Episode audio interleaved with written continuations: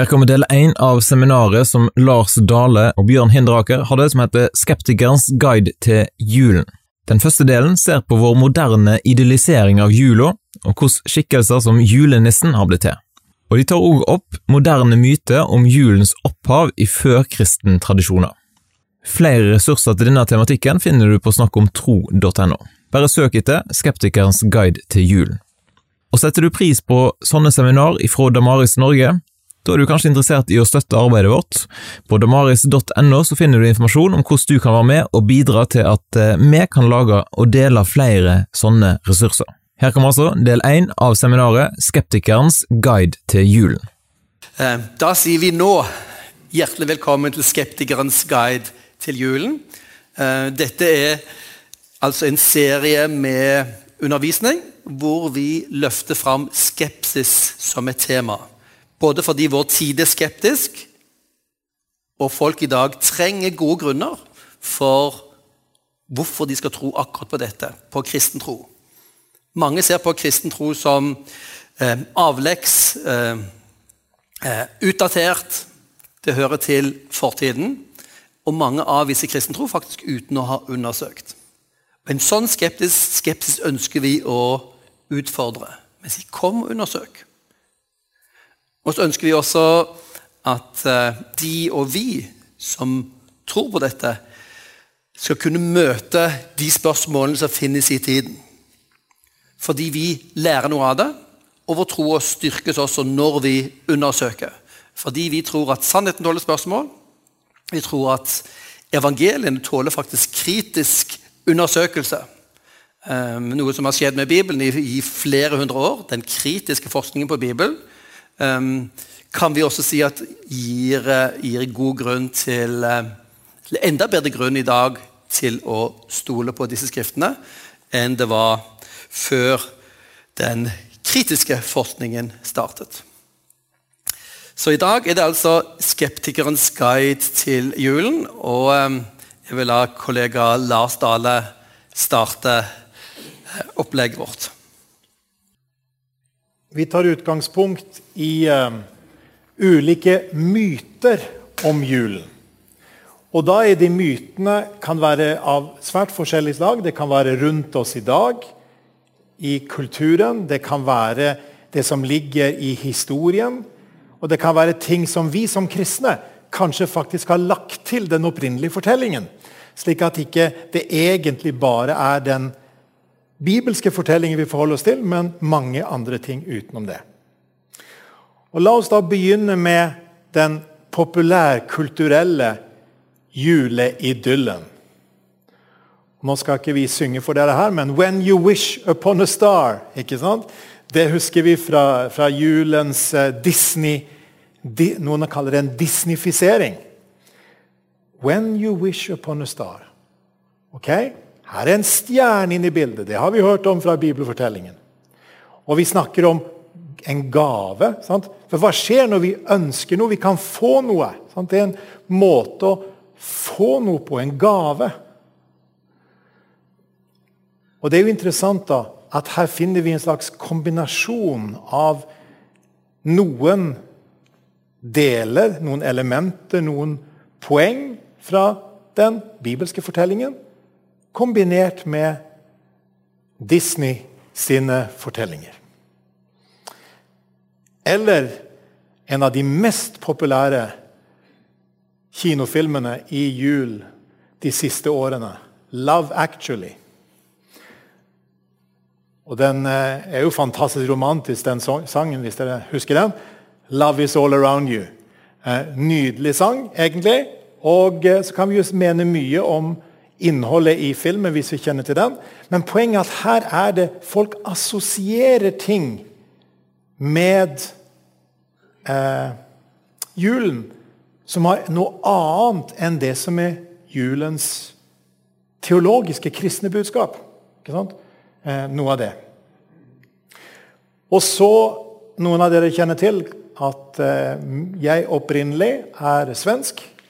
Selv om jeg nå da har også et norsk, norsk borgerskap, statsborgerskap siden noen måneder tilbake. Litt stolt det, over det. da. Eh, så eh, var det et interessant oppslag i avisen Dagen. Donald danker ut Jesus i svenskenes jul.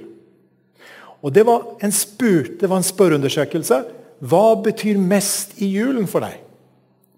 Og Da var det at folk satte helt alvorlig altså, satte opp at undersøkelse i Sverige sant, opp at hva betyr mest? Jo, det betyr aller mest, osv. nedover.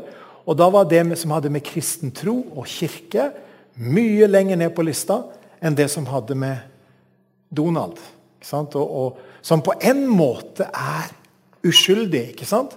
Men det sier litt om at fortellingene fra Bibelen fortrenges. Og de populærkulturelle fortellingene tar på mange måter den plassen. Interessant og tankevekkende. We love Disney when you wish upon a star. Love Actually. Mange av dere vil sikkert huske filmen. Og Poenget her er altså at det sviver rundt fortellinger i kulturen vår. Og de fortellingene er av særlig betydning for mange i juletida. Fordi da har en tid til sant? En, en har fri fra arbeid, kanskje. De fleste hvis en ikke har en turnustjeneste. En er sammen kanskje med familie, med venner. Og en har tid til å se på ting, til å høre ting. Og hva velger en da? Jo, da står disse populærkulturelle fortellingene veldig, veldig sentralt. Og selv om det sto at eh, svenskene da valgte vekk Jesus til beste for Donald, så tror jeg nok at statistikken viser at de andre nordiske landene er ikke veldig langt fra det heller. Men hva skjer da i hjemmet vårt? Her har vi en juleidyll som er populærkulturell. Hvordan formidler vi Og hva er idealet som møter oss i, i, julefeiringen? Er dette liksom vår idyll, kjernefamilien, som samles i julefeiringen? Det er noe utrolig fint i det. ikke sant? På en måte er det noe veldig fint i det. Og Samtidig kan vi spørre oss er dette Blir en seg selv nok? Hva med alle de som faller utenfor i en sånn juleidyll? Vi kan tenke på folk rundt oss i nabolaget. Vi kan tenke på skal vi bruke uttrykket, globale nabo. Ikke sant? Alle mennesker som ikke har det vi har.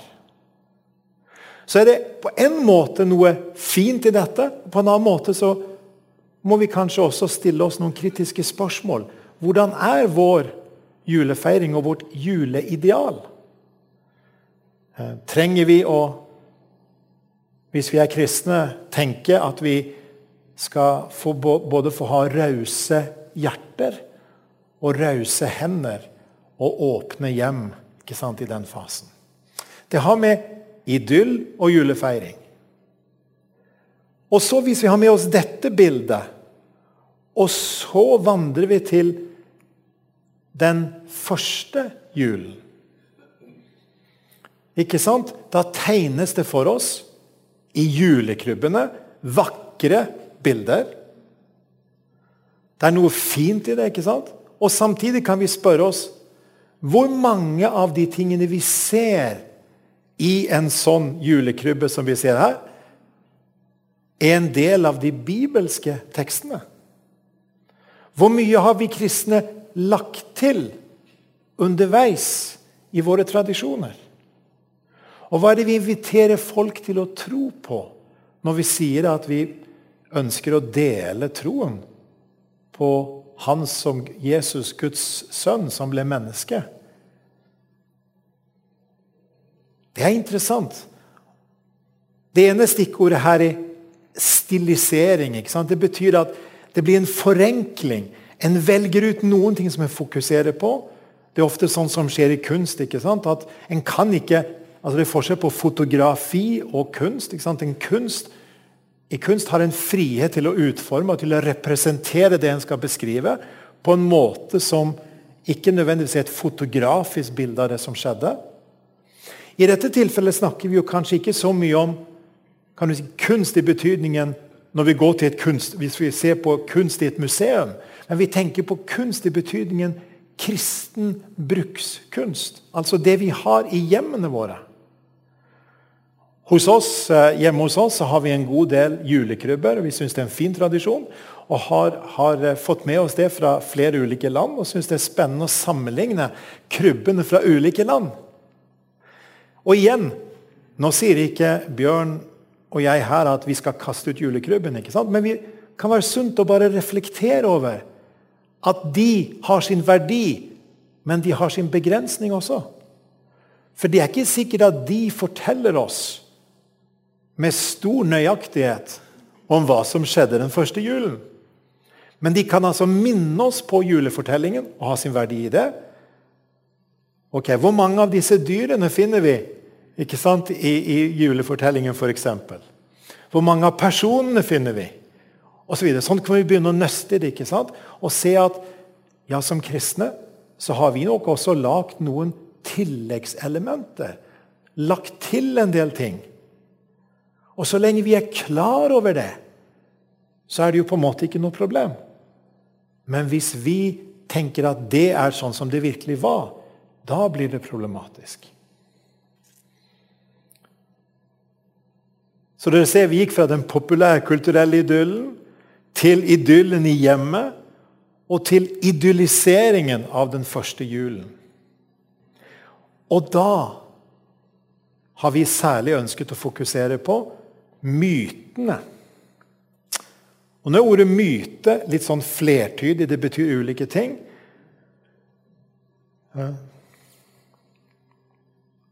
En, hvis dere har lyst til å få gode definisjoner på noe, så anbefaler vi naob.no. Det er en kjempegod ressurs på nettet.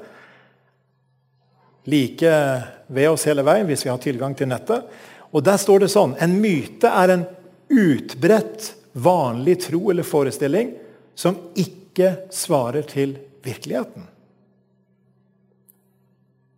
Det er en enkel og god definisjon på hva vi mener med myte når vi tar det opp her. Det vil si altså at det er, en, det er vanlig. Det, det, det, har, det, har, blitt fortalt, og det er delt blant mange. Det er utbredt. Det er noe som mange vil hevde. Det kan dreie seg om en dypere tro, eller bare en tanke, en forestilling.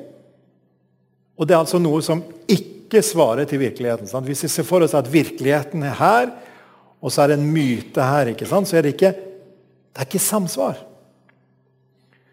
Eh, og det skal vi se litt på. Nå vet ikke jeg, eller vi, hvor glad, hvor glad dere er i julenissen. Og hva mener vi med julenissen? Hvem er det? Skal vi se litt på hvordan skapes myter? For julenissen er noe veldig interessant.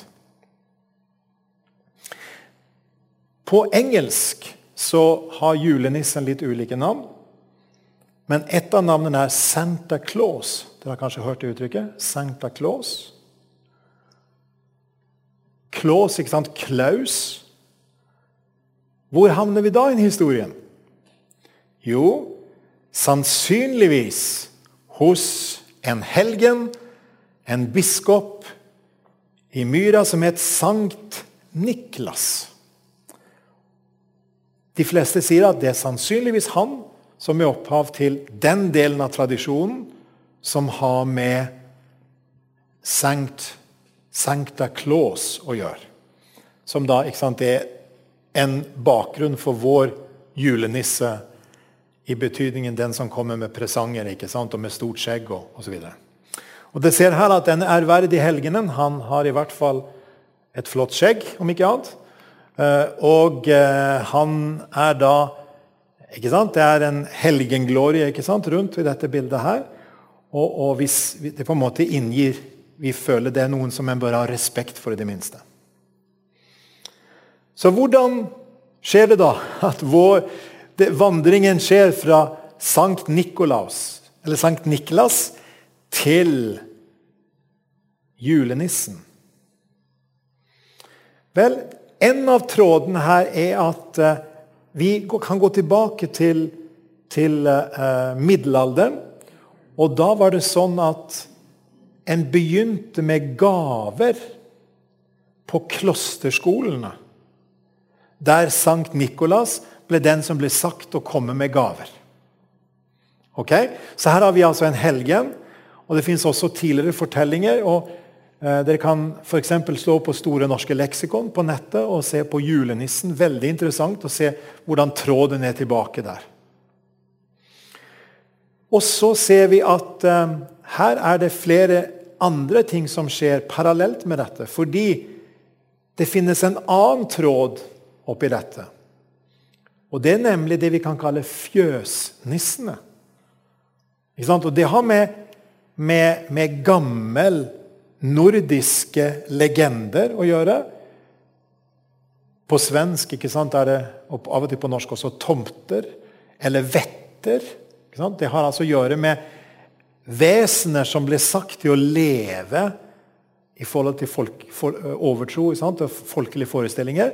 Levde på gårdene og skulle vokte og verne huset og hjemmet i møte med onde ting. Sant? Og en måtte blidgjøre disse med, med grøt, f.eks. Og, og så lenge de hadde det bra vil, og, og, og, var fornøyd, så ville de som bodde på gården, være fornøyde. Så det er altså en veldig forskjellig sant? Sankt Nikolas, som vi kaller nisse, og fjøsnissen, tomtene vettene, som er liksom andre delen her. Så Vetter, tomter, gammel folketro er noe av tankegangen her. Og Her ser vi jo da, for oss som har mulighet til å se dette og ikke bare høre det, vil vi se at eh, det er grøt inne i bildet, naturlig nok. Det hører med til, til forestillingene. Det er jo interessant her, for det er på en måte, hvis en tenker over det, kan en spørre er det noen skygger, noen ref, Reflekterer dette noe i kristen tro? På en måte kan vi si at Bibelens tale om engler Det ligger noen berøringspunkt. ikke sant? Jeg sier ikke at, at fjøsnissen er engler, men jeg sier at det ligger noen tanker her, noen forestillinger. Det er tanken om at, at eh, eh fjøsnissene skulle, skulle, være vesener som skulle beskytte, f.eks. Og så Hva skjer da? Jo, Disney og Coca-Cola tar over holdt jeg på å si, på 1900-tallet. Og vi får denne skikkelsen om Santa Claus, eh, som kommer da på sin slede og eh, gir alle snille barn gaver. Eh, og det er interessant, da, fordi vi finner eh, på 1920-tallet, var det vel, Eh, finner vi eh, Cola som lanserte julenissen i en sånn moderne versjon. Med veldig kraftig, veldig tjukk simpelthen. Og sant, så kan du lure på hvor hen har vi dagens forestilling av nissen fra? Jo, sannsynligvis fra litt forskjellige steder. Men dette er et eksempel på hvordan myter kan skapes fra ulike hold. Og sammen så skaper dette en helhet. Eh, så det vi ser med dette, er at Husk, myter var utbredte vanlige forestillinger, eller utbredt vanlig tro om noe som ikke stemmer overens med virkeligheten. Da, Bjørn, kan du si litt om moderne myter om julens røtter? Ja, vi har hørt litt om hvordan våre forestillinger om julen er blitt til. Ikke sant? Å høre om julenissen det, det er jo ikke rart folk er skeptiske til julens innhold når det er så mye, så mye fortellinger. Sant? Går du rundt i butikkene, så ser du ok, dette er ting som er skapt. Og det er faktisk ting som vi strengt tatt ikke tror på. Nisser og julenisser. Men det er ting som funker, sant? for de syns det er fint å pynte med. Det er kjekt å ha til jul, og du rører i hvert fall ikke julenissen. sant? Da får du trøbbel med barna. Um, men det forestillinger vi strengt tatt ikke tror på. Men det verserer faktisk ganske, eller flere eh, moderne myter om julens opphav. Og Den ene av de mytene, som har to varianter, er at eh, julen har opphav i hedenske fester. Dette pleide vi å høre før i, eh, i nyhetene. Sant? Og nå kommer julen, og det er en fest som går tilbake til lenge før kristendommen. Kristendommen bare tok over dette og kristnet det, og liksom stjal ideene og lagde et kristen innhold. Men det er egentlig hedenske fester. Og hedenske tradisjoner, eller altså, vi kan si før kristne tradisjoner. Og Da er det to ting som uh, nevnes. Um, den ene er den gamle romerske tradisjonen som heter Saturnalia. Det var en fest til ære for Saturn, en romersk midtvinterfest som eh, sies å ha startet 500 før Kristus. Og det ble da guden Saturn som sto for fruktbarhet. Um, og gjennom året så hadde han føttene bundet på Saturnalia-festen så løste man båndene rundt eh, eh, Saturns bein. Og så skulle det være total frihet og fest og moro. Man snudde opp ned på ting. Sånn at, eh, og til, til, og med slavene var med på denne festen. og det som man ofte gjorde var at man snudde opp ned. Sånn at man utpekte en, en av slavene til å være konge eller, eller sjefen. Sant? Som man bar rundt. Så man snudde opp ned på, på, på rollene. Og det var selvfølgelig mye drikking og mye moro. Og Denne festen var skrekkelig populær, og den økte liksom i antall dager. Når vi kom til rundt august, så prøvde de øh, å stramme litt inn. Ikke syv dager, men korte ned til tre dager osv. Men festen var ganske ganske populær. Eh, og den gikk jo, som, som greske fester gjør, eh, for seg ganske, ganske fri, frilynt. Um, men den festen var jo ikke, ikke 25. desember, sånn som en del hevder. Det var før dette. Det var noen uker i forkant av dette, så datoen er ikke hentet fra Saturnalia-festen. Um, på den festen er det jo nesten alle fester er det jo spising og drikking. Eh, det er en del av julefesten vår, for så vidt. Ehm, og eh, det skjedde vel også at man, man utvekslet gaver da. Selv om innholdet i dette her har endret seg eller er ganske forskjellig fra den kristne tradisjonen. Men både altså tidspunktet for feiringen av Saturnalia og innholdet i den er ganske forskjellig fra festen eller julefesten vår. Det er en annen fest og feiring som er foreslått som, er, som var liksom den opprinnelige jul. Og det er solens fest, eller festen for den uovervinnelige sol. Sol invictus. Det er egentlig en orientalsk tradisjon. at Den kom fra lenger øst og ble det var ikke så veldig populær fra starten, men det var noen av de romerske lederne keiserne syntes dette var en veldig kul tradisjon og forsøkte å få den i gang. Uh, ut på 200-tallet etter Kristus.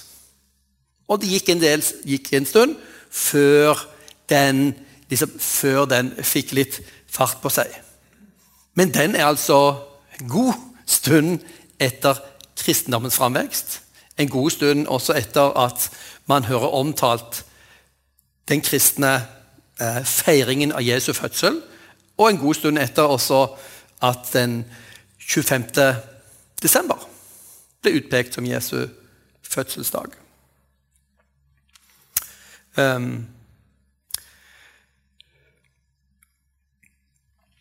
Så er det noen uh, igjen som hevder at uh, ja, julen er jo egentlig bare en, en kristen versjon av det nordeuropeiske juleblotet. Sant? Når kristendommen kom til Norge, så var det en svær midtvintersfest. Og det de kristne gjorde, var å ta over den festen, og så lagde de jul. Det også passer ganske så dårlig med fakta. Det er jo riktig at det var juleblod, men juleblodet skjedde ikke 25. desember. Det skjedde ute i januar. Og innholdet i dette var ganske forskjellig. Det er jo også riktig faktisk at når etter hvert jul ble innført i Norge, på 900-tallet før kristningen, så ble jul innført, og da var det en, en kongelig befaling om å brygge øl til julen. Øl var jo festdrikk. Så drikking skulle det være, som ikke betyr at man skulle drikke seg overstadig. sant? Men det var en av de, de, små tingene av luksus man skulle ha, som også eh, skulle markeres av julen. Så er altså Ingen av disse festene er røttene til den kristne julefeiringen.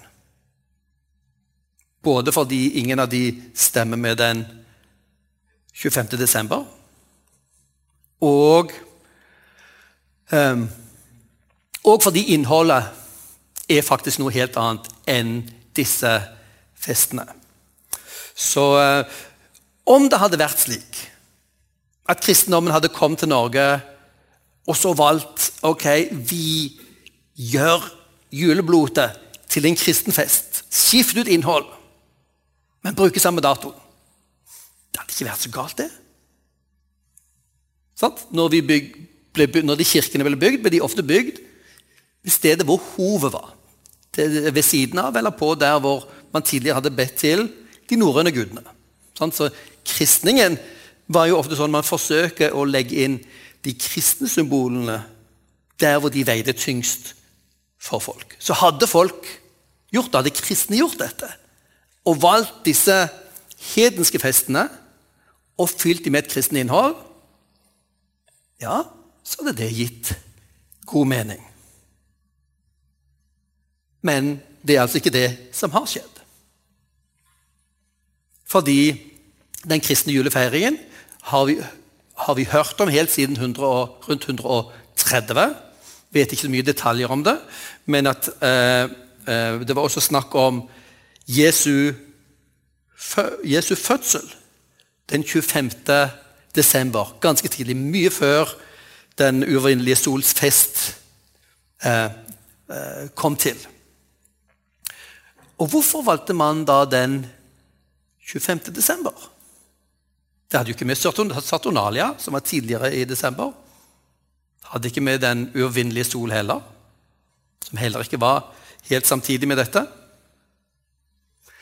Det hadde seg slik, og det ble også, også fortalt ganske på, på 100-tallet, at mange tenkte at eh, en profets dødsdag og unnfangelsesdag er samme dato.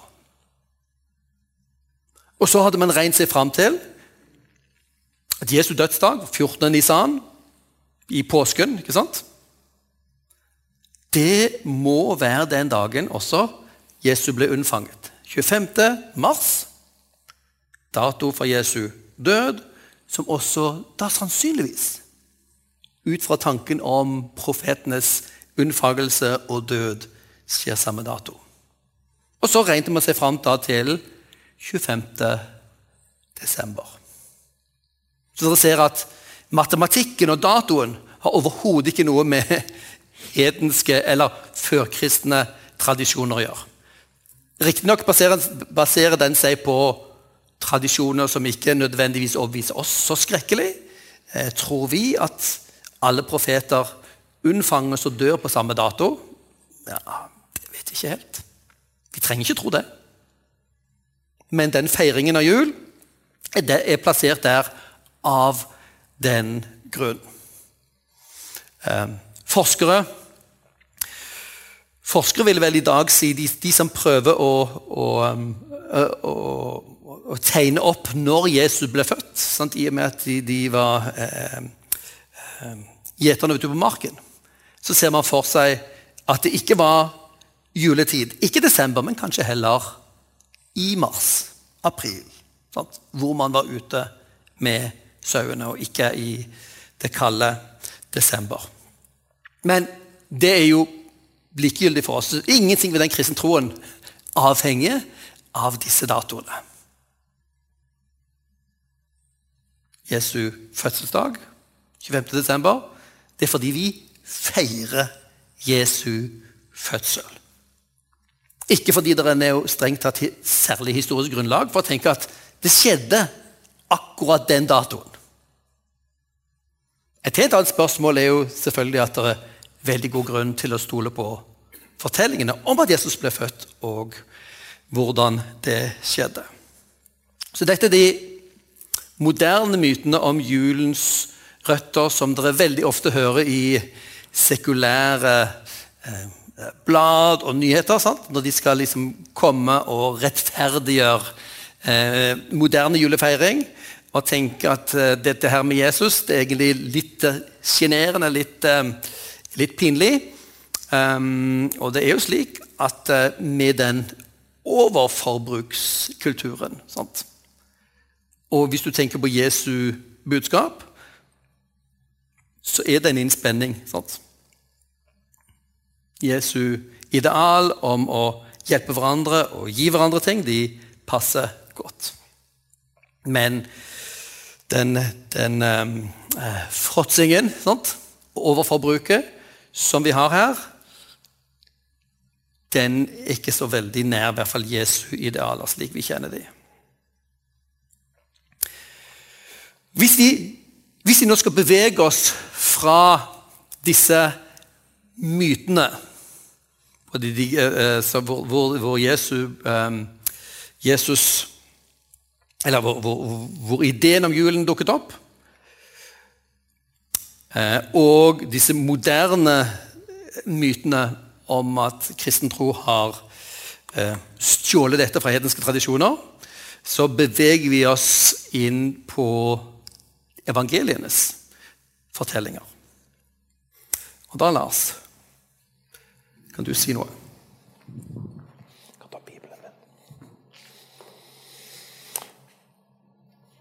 Ja, og det som er veldig interessant, er å se på hvordan bibeltekstene utfyller hverandre. Nå har vi fått en, en, en, eh, et fint bakteppe fra historien til hva som ikke danner bakgrunn til julen. Og Nå skal vi se på hva som faktisk er bakgrunnen for julen, nemlig Bibelens egne fortellinger. Og Da er det sånn at vi naturlig kan begynne med det første kapitlet i Nytestamentet, nemlig Matteus 1. Matteus er skrevet, evangeliet, eh, Matteus evangeliet er skrevet til primært den gangen først og fremst til folk som hadde en jødisk bakgrunn. Slik at her møter vi helt opplagt et det vi kan kalle det profetiske perspektivet. Altså det som skjedde nå med Jesus, hadde blitt forutsagt, sier Matteus. Og Vi kan jo bare kort eh, være innom Matteus 1. Eh, og her er det flere ting å legge merke til. Fordi Matteus helt tydelig sier det at uh, i budskapet til Josef uh, Hun skal føde en sønn, og du skal gi ham navnet Jesus, for han skal frelse sitt folk fra deres synder. Det virker litt rart for oss. Hvor, hva, hvorfor, hva har Jesus å gjøre med at navnet Jesus? Jo, det er navnet Jeshua, som da på sant, på hebraisk betyr å frelse fra syndene. Frelseren. Alt dette skjedde for at det ordet skulle oppfylles som Herren har talt gjennom profeten. Se, jomfruen skal bli med barn og føde en sønn, og de skal gi ham navnet Immanuel. Det betyr Gud med oss. Dette skjedde for at ordet skulle oppfylles. Se, det er et et, et profetisk perspektiv. Det som har skjedd, det som ble fortalt før, og det som skjedde med Jesus, er nær sammenheng. Så Matteus gir oss dette bakgrunnen. Det er ikke tilfeldig at det er Matteus som begynner med en ettertavle. Dere husker kanskje det at Matteus begynner med, med, en lang rekke med navn. Og det var jo den, og det finner vi også flere plasser. ikke sant? I, uh, i Gammeltestamentet så finner vi at lange ettertavler, som vi syns er vanskelig å forholde oss til, for det er masse navn. Men dette, sant, vi må tenke sånn at for hvert navn så var det noen ting folk forbandt med det navnet. Så i stedet for å fortelle Hvis vi forteller en hel historie, så, så kan vi tenke oss Hvis vi for eksempel, hvis jeg sier til dere Nelson Mandela, da tenker dere ikke bare på navnet, men for dere så Aha! Apartheid, frigjøringen, det nye Sør-Afrika. Han som sto som symbol på det fredelige, forsonende. Og Sånn skal vi tenke om ettertavlene. At her hadde en så mye kunnskap at bare å si et navn ga oss ga signaler. Og så forankres det. ikke sant? Jesus er da den som sies ettertavlen til Jesus Kristus. Davids sønn og Abrahams sønn. Det skjedde for at ordet skulle oppfylles. Så det er Matteus som knytter tilbake til Gammeltestamentet. Og Sånn sett passer det veldig godt at Matteus er den første boka i Nytestamentet som bygger den broen fra Gamle testamentet til Nye testamentet, sånn som vi har våre bibler. Så har vi selvfølgelig Lukas. ikke sant? Lukas' fortelling.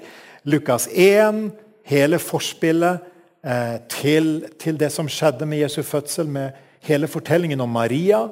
Og, og, og de eh, åpenbaringen som kommer gjennom engler til, til Maria eh, og til Elisabeth og hele den nydelige skildringen av disse kvinnene, vennskapet, slektskapet. Forskjell i alder, men poenget er at det skjer noe. Gud har vært taus, men nå taler Gud. Det har vært flere hundre år. Det har ikke vært, skjedd noe, så å si. I, i, i, det har ikke vært mange profeter. Eh, og så skjer det noe. Og så kommer vi til kapittel 2 i Lukas at det skjedde i de dager. ikke sant? Begynnelsen av juleevangeliet, som vi sier. Og da forankres det hele i det historiske. Gud handler i historien på ett sted, med én familie. Gud blir menneske. Og Det er ikke tilfeldig at Lukas begynner sitt evangelium i kapittel 1, de fire første versene, til å tegne opp bakgrunnen. Han sier at han har tegnet ned det øyenvitner har sett. Så han selv var altså ikke øyenvitner til Men han har mottatt fra øyenvitner. Dere vet kanskje også at han skrev apostelgjerningene. Og Da finner vi av og til vi-avsnitt i det, som betyr at han var øyenvitne av og til i apostelgjerningene. Men i, i Lukas evangeliet så han baserer han på øyenvitner og så sier han at han skriver ned i sammenheng det betyr ikke nødvendigvis alltid i kronologisk sammenheng, men i enten tidsmessig sammenheng, kronologisk, eller logisk sammenheng. Så det skal være en, en tråd, en rød tråd i det hele. Og Lukas 2 er jo et fantastisk vakker skildring. sant? Den, en, en, en, en aldeles nydelig skildring som er veldig um, enkel, egentlig. Det er veldig få deler av den historien som, som, som på en måte er, er, er bretta ut. Sant? Det er en nøktern historie om det som skjedde. Lukas 2 det historiske perspektiv. Markus er interessant. Markus bruker ikke noe tid egentlig på Jesu eh, fødsel eller Jesu første 30 år. Går rett på sak. Sant? Det er et actionprega, det er handlingsprega evangelium. Går rett på Jesu tjeneste, offentlig tjeneste, egentlig. Eh, hva med Johannes, da? Johannes evangeliet. Husker vi åssen det begynte? Johannes evangeliet gir oss det vi kan si det teologiske perspektivet. Og De fleste for å ikke si alle forskere sier at Johannes evangeliet sannsynligvis blir skrevet som det siste av de fire evangeliene. Da gir det veldig mening at Johannes skriver dette på en annen måte. For den historiske, den profetiske og historiske har de allerede fått. Ikke sant? Og hva trenger den da? Jo, den trenger en, en dybdefortelling om ordet som var hos Gud, og som var Gud. Og ordet som ble menneske og tok bolig iblant oss. Så da ser vi at disse tre evangeliene utfyller hverandre på en helt spesiell måte. Forankringen i Gammeltestamentet, det profetiske, Matteus. Det historiske. Hva skjedde der og da? Og så den dype fortellingen i Johannes. Det er noen som har sagt at Johannes evangeliet er så lett, lett tilgjengelig at en et småbarn kan, det er som et småbarn som kan gå i vannet. Og det er så dypt at en elefant drukner nesten i det. Ikke sant? Eh, det er nydelig sagt. at det, er både ikke sant, lett tilgjengelig, fordi det er på en måte lett å forstå. ikke sant? Det er lett å lese, det er lett å gripe, og samtidig er det en dybde i det. Fordi det, det gir noen refleksjoner som er veldig, veldig talende. Så da har vi altså vandret fra de populærkulturelle sant? De populærkulturelle eh, fortellingene, idyllen, til vår bilde av, av eh, kjernefamilieidyllen. Til det som gjelder eh, nissen, hvordan myter skapes. Sankta Claus-bakgrunnen i Sankt Nikolas og fjøsnissen og, og, og, og eh, Cola og eh, Disney sin fortelling om, om Sankta Claus. Og så hørte vi fra Bjørn om hva som har blitt sagt å være bakgrunn, men som ikke er bakgrunn for vår jul, men som allikevel blir, påst blir påstander som møter oss. Men det er altså ikke riktige påstander. Det er i hvert fall myter. Og Nå ser vi her at Bibelens fortelling er annerledes. Den er nøktern, den er presis, og den gir oss tre utfyllende perspektiver her. Da har vi avrundet den første delen og kan da åpne opp for noen spørsmål fra dere, hvis det er noe dere tenker på i forhold til det. Eh, og da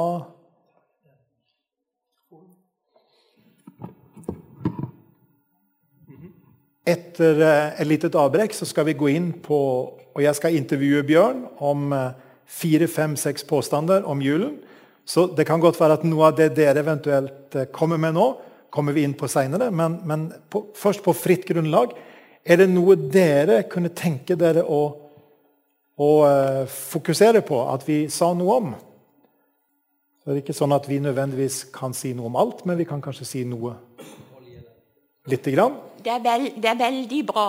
Utrolig bra og oversiktlig.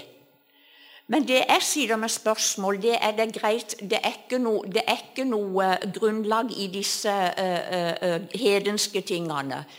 Men er det noe grunnlag i Bibelen, akkurat som de andre høytidene, for å feire jula? Hvor står det? Hvor finner vi det jordet? Så da noterer vi oss det. At, uh, takk for viktig og godt spørsmål. Er det ingenting dere har tenkt på om julen? Fritt frem. Ingenting dere er skeptiske til? Ingenting.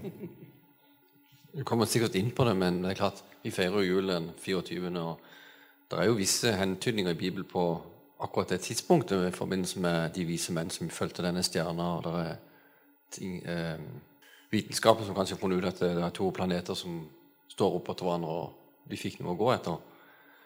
Um, og Det er den ene tingen. Men den andre er jo at, eh, at eh, den, eh, den folketellinga som skulle være, var vel, er vel nokså ja, kan kanskje konkretisert om man er på den tida som, som vi snakker om her.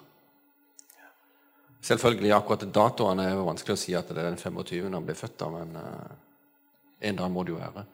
Mm. Her finner vi to veldig gode og konkrete spørsmål som vi møter ofte. Nemlig hva med stjernen og vise menn, og hva med Kvirinius og folketellingen? Det må vi absolutt innom. Kjempebra. Takk.